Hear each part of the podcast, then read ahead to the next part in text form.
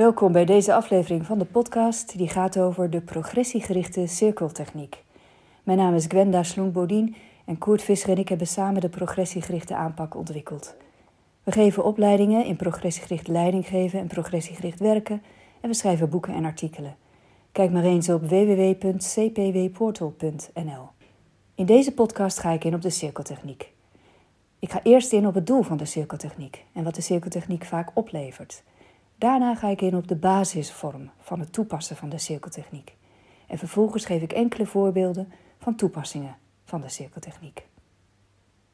De cirkeltechniek beoogt op te leveren dat mensen optimistisch worden dat verdere progressie mogelijk is, door een focus aan te brengen op bereikte en verder te bereiken progressie en op stapsgewijze vooruitgang.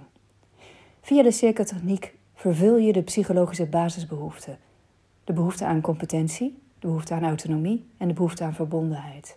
En daarnaast stimuleer je met de cirkeltechniek ook een groeimindset, de overtuiging dat progressie mogelijk en zelfs binnen bereik is, met effectieve inspanning. Door de cirkeltechniek toe te passen, kantelen perspectieven vaak van moedeloos of weerstand naar optimisme en creativiteit. Daarmee is de cirkeltechniek een hele geliefde progressiegerichte werkvorm, omdat hij zo laagdrempelig is, makkelijk toepasbaar is en vaak veel oplevert. De basiswerkvorm van de cirkeltechniek is als volgt.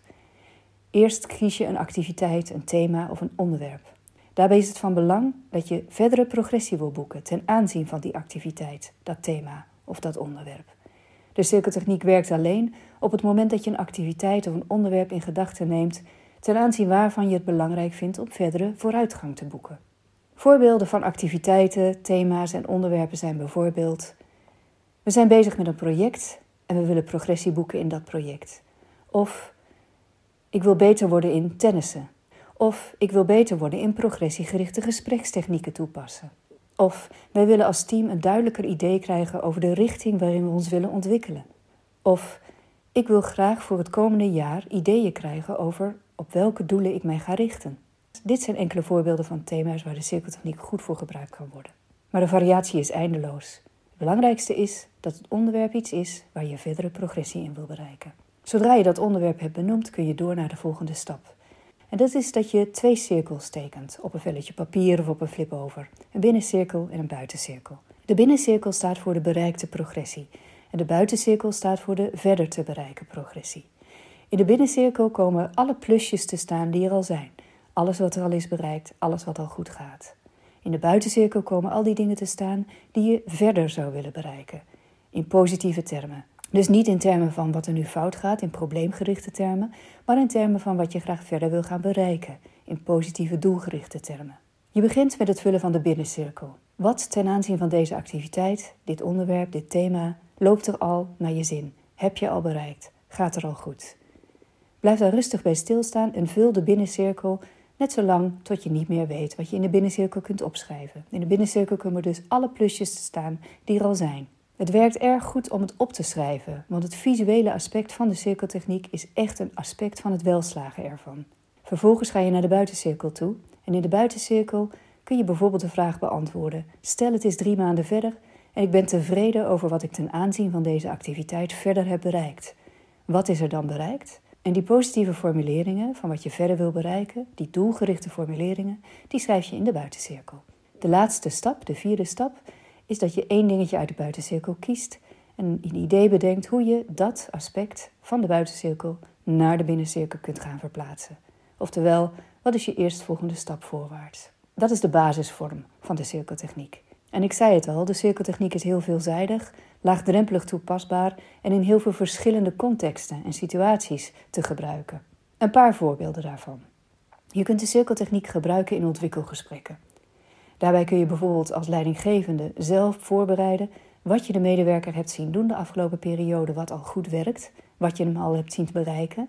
Dat schrijf je in de binnencirkel. En je zou in de buitencirkel kunnen schrijven wat je belangrijk vindt dat deze medewerker de komende periode gaat bereiken. Je kunt de cirkeltechniek vervolgens bespreken met de medewerker.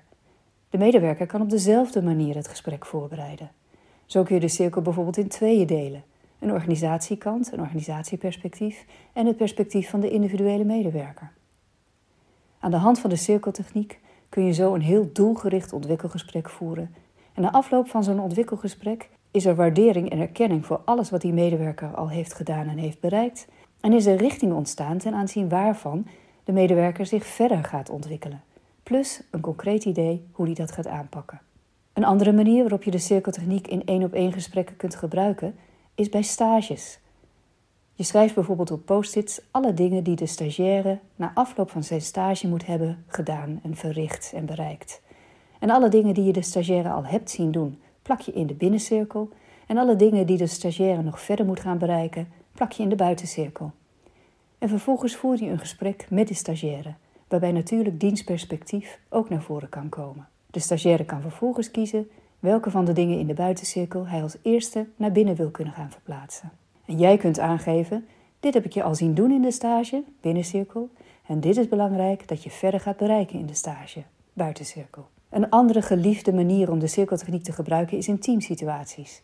Een team heeft bijvoorbeeld een project ten aanzien waarvan ze progressie moeten boeken. In de binnencirkel kunnen de teamleden opschrijven wat er ten aanzien van het project allemaal al naar hun zin verloopt en al is bereikt.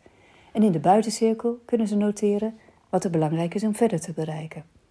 Vervolgens kunnen duo's kiezen wie wat gaat doen om één ding uit de buitencirkel naar binnen te kunnen gaan verplaatsen. En zo is de cirkeltechniek ook een goede manier voor het monitoren van progressie. Want gedurende het project kun je telkens die cirkels er weer bij pakken en kijken wat kunnen we verder in de binnencirkel plakken, wat kunnen we verhuizen en wat komt er eventueel bij in de buitencirkel. Nog een werkvorm is het structureren van heidagen en strategiedagen aan de hand van de cirkeltechniek. Een MT bijvoorbeeld structureerde zijn heidag aan de hand van de cirkeltechniek op de volgende manier. Eerst gingen de MT-leden in duo's met elkaar in gesprek en ze interviewden elkaar aan de hand van de cirkeltechniek. Wat heb jij in jouw sector bereikt de afgelopen periode? En wat is er in jouw sector belangrijk om verder te bereiken de komende periode? Dit gaf niet alleen heel veel inzicht in waar ieder mee bezig was, maar ook optimisme. Er was al meer bereikt dan ze zich hadden gerealiseerd. Daarna kregen alle duo's plenair de gelegenheid om hun cirkels kort toe te lichten, zodat alle MT-leden van iedereen hadden gehoord wat er al was bereikt in de betreffende sector en wat er belangrijk was om verder te bereiken in de betreffende sector. En vervolgens ging het MT over naar het maken van de cirkeltechniek op MT-niveau. Gegeven wat er al bereikt was en gegeven wat er verder bereikt moest worden in de diverse sectoren, wat was er belangrijk voor het MT als geheel? Wat had het MT als geheel al bereikt? En wat vond het MT belangrijk om als geheel verder te bereiken op organisatieniveau? Dit leverde heel veel goede ideeën op en heel veel richting voor waar het MC zich verder in wilde gaan ontwikkelen. En vervolgens stelde men zich de consensusvraag: waar zijn we het allemaal over eens en wat zijn onze eerstvolgende stappen voorwaarts? En deze strategiedag was, in tegenstelling tot vorige strategiedagen, doelgericht, optimistisch, competentieondersteunend, verbondenheidsondersteunend, autonomieondersteunend en groeimindset stimulerend. In plaats van dat mensen vooral aan het klagen waren en problemen aan het uitwisselen waren, was men doelgericht in gesprek over bereikte en verder te bereiken progressie. Het laatste voorbeeld dat ik kan geven is dat ook individuen de cirkeltechniek voor zichzelf kunnen benutten. Zo was er bijvoorbeeld eens iemand en die gebruikte de cirkeltechniek voor het aanpakken van de verhuizing. In de binnencirkel schreef ze alles op wat er ten aanzien van die verhuizing al was geregeld en in de buitencirkel alles wat er ten aanzien van die verhuizing verder nog bereikt moest worden en gedaan moest worden. En vervolgens keek ze wat ze als eerstvolgende ging doen om de verhuizing tot een succes te maken. Zo werd de verhuizing in plaats van een overweldigend iets, iets wat heel behapbaar werd. En waar deze persoon zelfs een beetje zin in kreeg. Een heel handzaam boekje waarin je op veel ideeën kunt komen hoe je de cirkeltechniek nog meer kunt gebruiken, is het boek De Cirkeltechniek van Kurt Visser.